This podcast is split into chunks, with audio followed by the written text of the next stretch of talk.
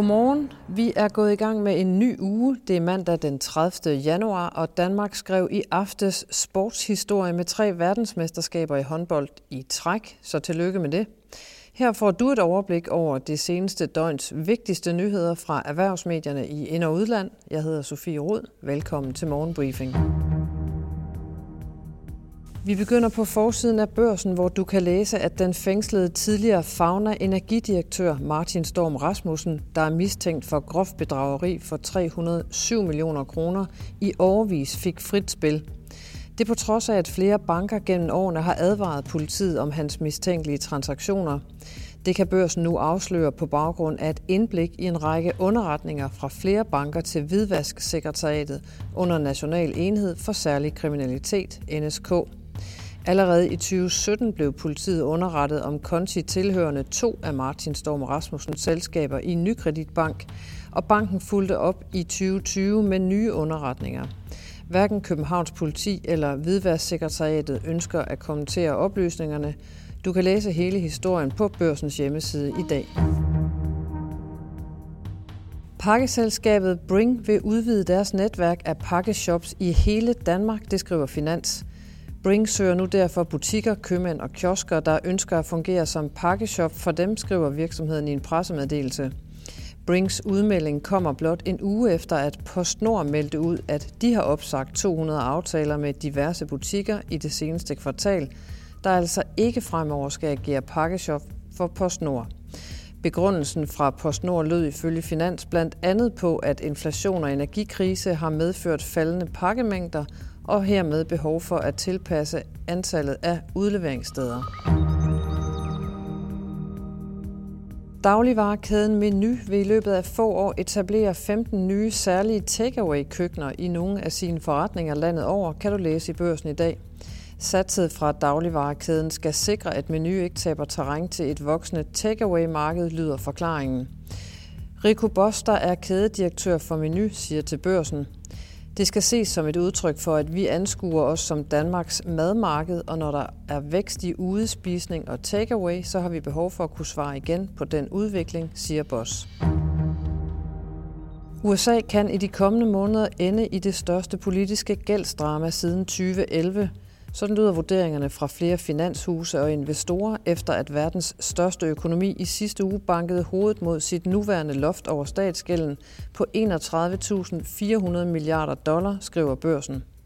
Simon Christiansen, som er porteføljeforvalter hos Nordea, siger, hvis vi ser noget lignende det, der skete i 2011, så vil det for alvor skabe ustabilitet på markederne, og det på et tidspunkt med nervøsitet for recession, inflation og centralbankernes næste træk, siger han.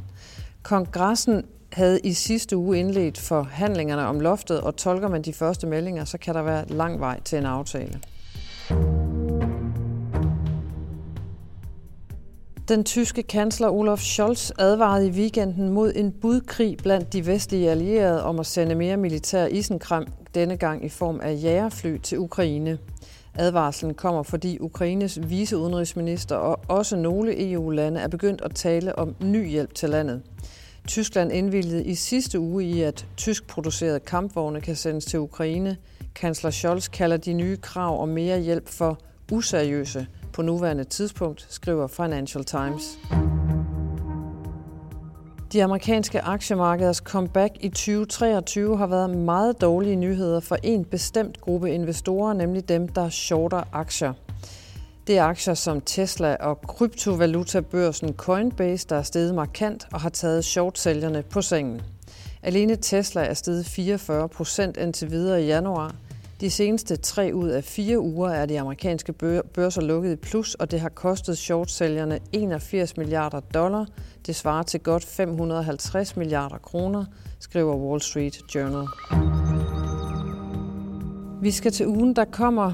Efter et stærkt 2022 med opjusteringer i de tre foregående kvartaler, så er spørgsmålet nemlig, hvor aggressive forventninger Novo Nordisk vil lægge fra land med i 2023. Det finder vi ud af på onsdag, når årsregnskabet for 2022 lander. Novo Nordisk er blot en af mange selskaber, der kommer med tal i denne uge. Også Ørsted og amerikanske Meta er regnskabsaktuelle på onsdag. Der bliver det hele taget meget at holde øje med på onsdag, hvor også den amerikanske centralbank Federal Reserve kommer med en melding om den næste rentestigning. Her forventer markedet, at renten bliver sat op med 0,25 basispoint, altså en mindre stigning end de seneste gange, hvor Fed har hævet renten. Følg med på det hele på børsens hjemmeside, og det behøver du ikke at vente til på onsdag med. Jeg spoler lige tiden tilbage til fredag, hvor det amerikanske aktiemarked gik på weekend i fint humør, og årets tredje uge plus ud af fire mulige uger. S&P 500 lukkede fredag i plus med 0,3 procent, mens Nasdaq vandt 1 procent. Har hjemmelukket sig 25 fredag med et lille fald på 0,07 procent. GN Store Nord var med til at trække indekset ned i fredagens handel, hvor også nye regnskabstal fra Vestas tyngede indekset. Få hele overblikket på Borsen.dk Investor. Den tidligere amerikanske præsident Donald Trump ramte lørdag kampagnesporet for første gang siden han annoncerede, at han vil forsøge at genvinde det hvide hus i 2024. Her får du en bid fra Trumps første kampagnetale i New Hampshire lørdag. We're starting. We're starting right here as a candidate for president. And uh, you've probably seen the polls. We're really doing great. You know, remember I used to, in 2016, I talked about polls all the time. In 2020, I didn't have to because we didn't have a lot of competition. We had no competition. And I don't think we have competition this time either, to be honest. But I talked about the polls.